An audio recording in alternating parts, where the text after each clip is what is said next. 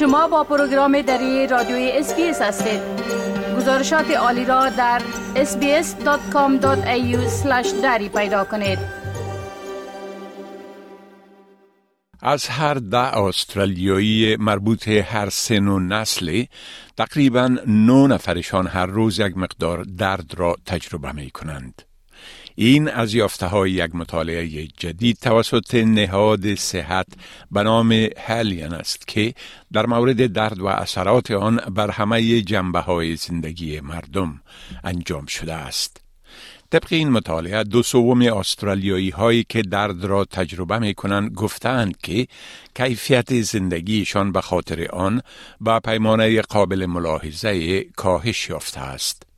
الینا پنتادو یک تن از کارمندان ارشد نهاد هلین است. او در مورد این مطالعه توضیحات داده و می گوید که هدف از انجام آن صرف بررسی درد نه بلکه معلوم کردن اثرات آن بر همه زندگی روزمره مردم می باشد. The Haleon Pain Index is a social study, and what it aims to do is to give a voice to those experiencing pain.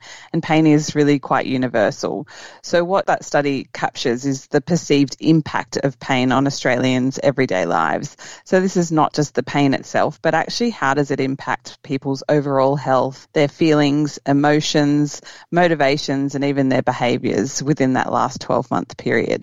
خانم پنتادو می‌گوید درد یک مشکل دوامدار همگانی است ولی آنچه این مطالعه کرده این است که بر اثرات رو به افزایش روانی و عاطفی آن روشنی انداخته است. What we've found is that, you know, pain really remains a consistent and universal issue, but it's the social and emotional impact of pain of people's lives that continues to rise, and that's what this really shines a light on. And those in pain, they can often be subject to stigma, even sometimes intolerance, and what's most notable is the feelings of loneliness and isolation. And this is all despite the boost in global health awareness in the recent years. او می‌گوید که درد داشتن برای بعضی از مردم مایه شرم و ننگ است که این باعث می شود تا آنها دردشان را پنهان کرده و از صحبت درباره آن خودداری کنند.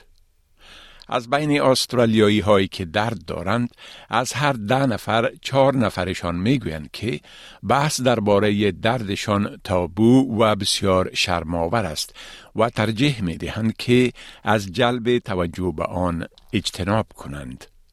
خانم پنتادو می گوید که این طرز برخورد با درد می تواند عواقب شدید اجتماعی داشته باشد و به منزوی شدن مردم منجر شود. Pain is definitely affecting everyday lives of Australians, and one of the most compelling findings is that nine in 10 Aussies were found to suffer from everyday pain over the past year.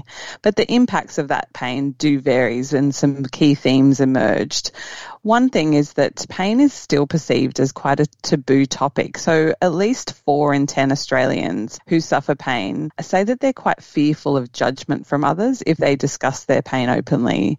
And that social and emotional toll that pain takes on Australians is really stark with 43% reporting the feelings of isolation and loneliness due to the impact of pain during their everyday lives.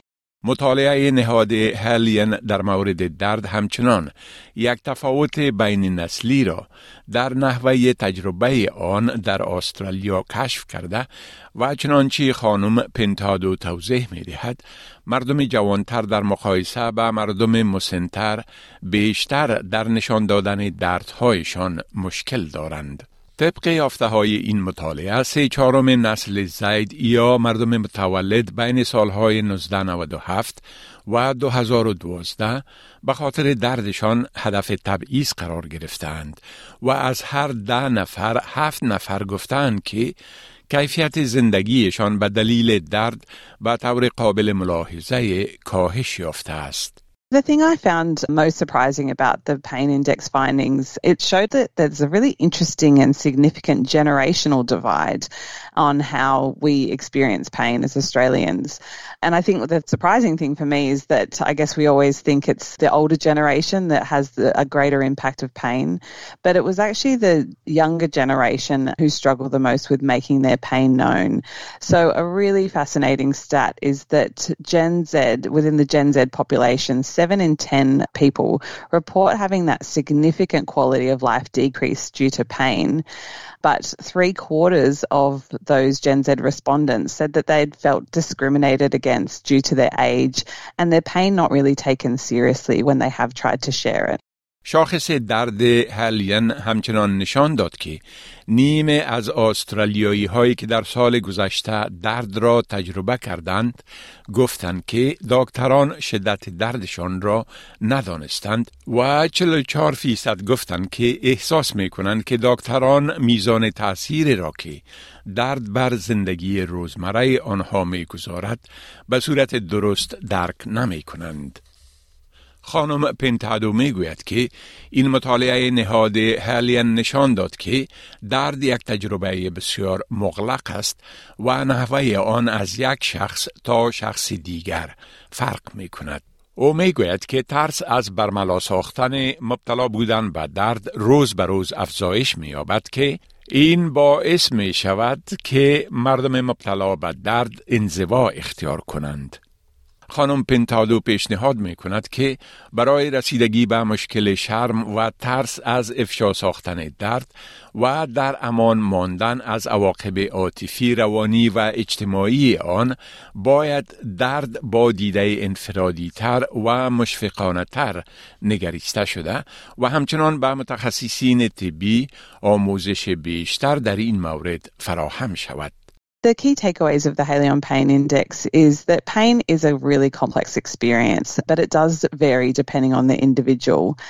And the feelings of loneliness and isolation and the fear of talking about it are on the rise. And these are things that we can really address as society.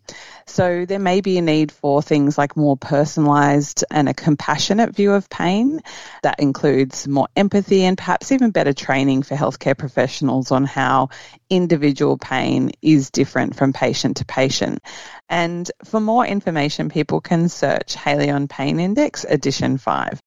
نهاد هلین به خاطر تأمین پیامدهای بهتر برای بیماران در رهایی از درد در کوتاه مدت و اداره آن در دراز مدت یک کارزار آمه را تحت عنوان هشتگ Listen to Pain آغاز کرده است.